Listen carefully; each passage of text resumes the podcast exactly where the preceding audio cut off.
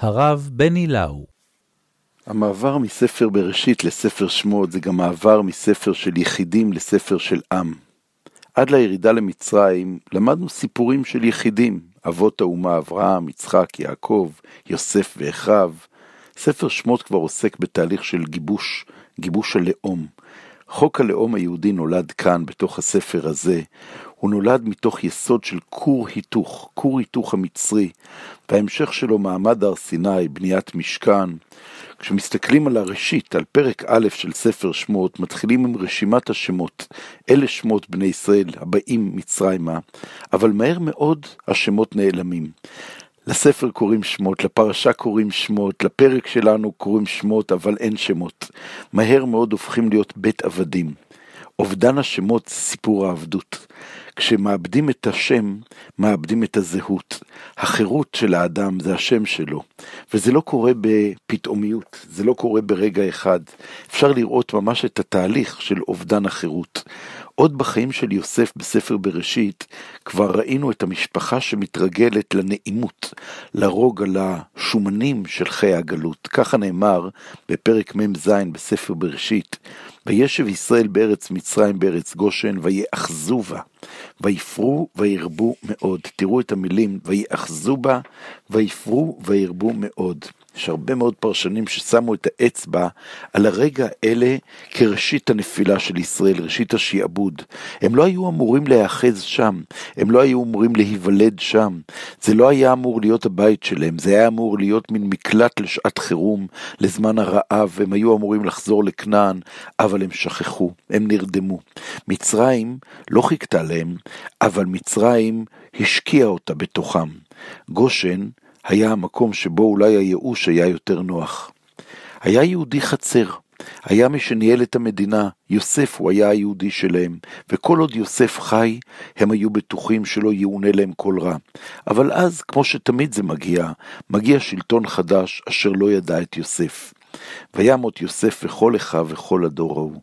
בני ישראל כבר לא נמצאים רק בגושן, בני ישראל פרו וישרצו, וירבו ויעצמו במאוד מאוד, ותמלא הארץ אותם. תראו את המילים האלה, ותמלא הארץ אותם.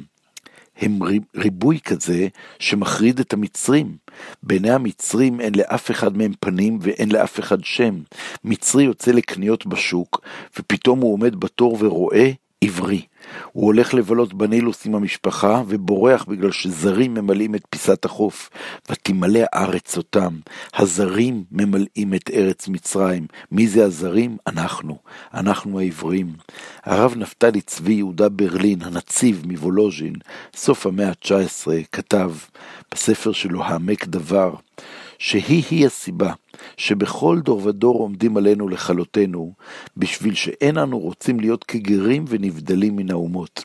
הנציב היה מחובבי ציון, והוא יודע יפה לזהות בין שנאת הזרים שבמצרים, לבין האנטישמיות הרגילה בהיסטוריה של עם ישראל.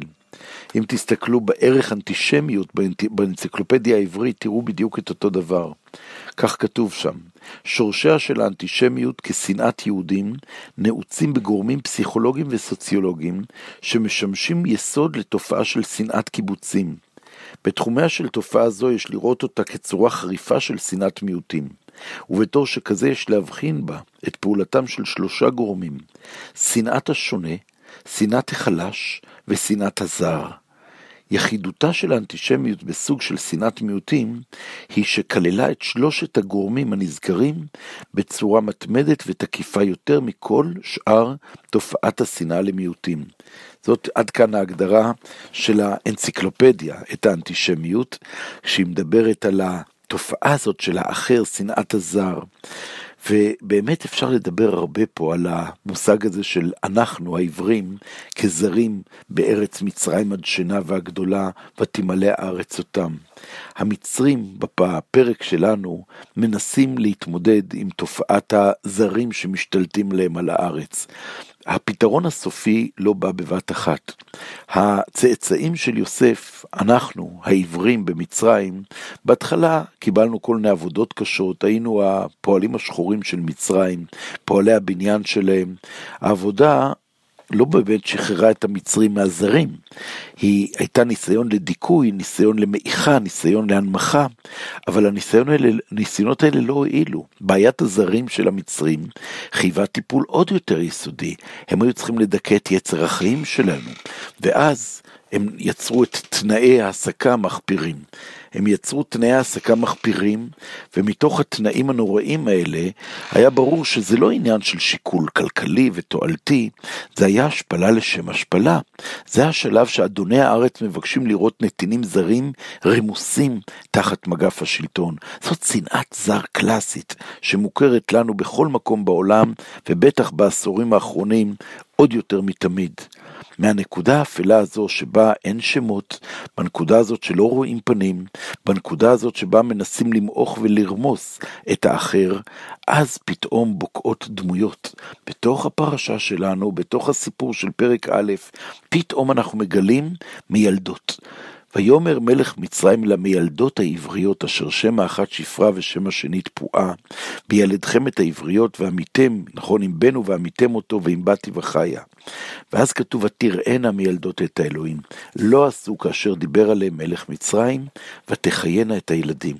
הפרשנות הרגילה מזהה את המילדות כעבריות בתור יוכבד ומרים, האימא של משה והאחות שלו. זאת פרשנות שמתחשבת כאילו בפרשנות של המילים מילדות עבריות, שהם חלק מהעם שלנו, הם העבריות. אבל היו פרשנים אחרים. היו פרשנים שביקשו לזהות את המיילדות עם דווקא מצריות שמיילדות את העבריות. ככה בפרשנות יוונית של יוספוס פלביוס ולפניו פילון, הפרשנות הזאת אומרת שהמיילדות המצריות שילדו את העבריות היו בתוכן יראות אלוהים. זה יראת אלוהים זה לא משהו ששייך ליהודים, זה לא משהו שייך לעברים. יראת אלוהים זה שם נרדף למוסריות, לערכיות, שם מוסר למישהו ש... שם, שם נרדף נרדף למישהו שיודע שיש אלוהים בעולם וזה לא הוא. זה חובה של האדם שנברא בצלם להתבונן באחר שגם כן נברא כמותו. הפנים של האחר זה הסיפור של יראת האלוהים. פה פתאום אנחנו מגלים בתוך הפרק שלנו, בתוך שנאת הזרים, בתוך תחילת השעבוד של ישראל במצרים, בתוך מחיקת השמות, פתאום אנחנו מגלים גם את חסידי אומות העולם. אנחנו מגלים שבתוך העולם החשוך הזה, כבר כאן, בפרק הראשון, כבר כאן יש אלומה של אור.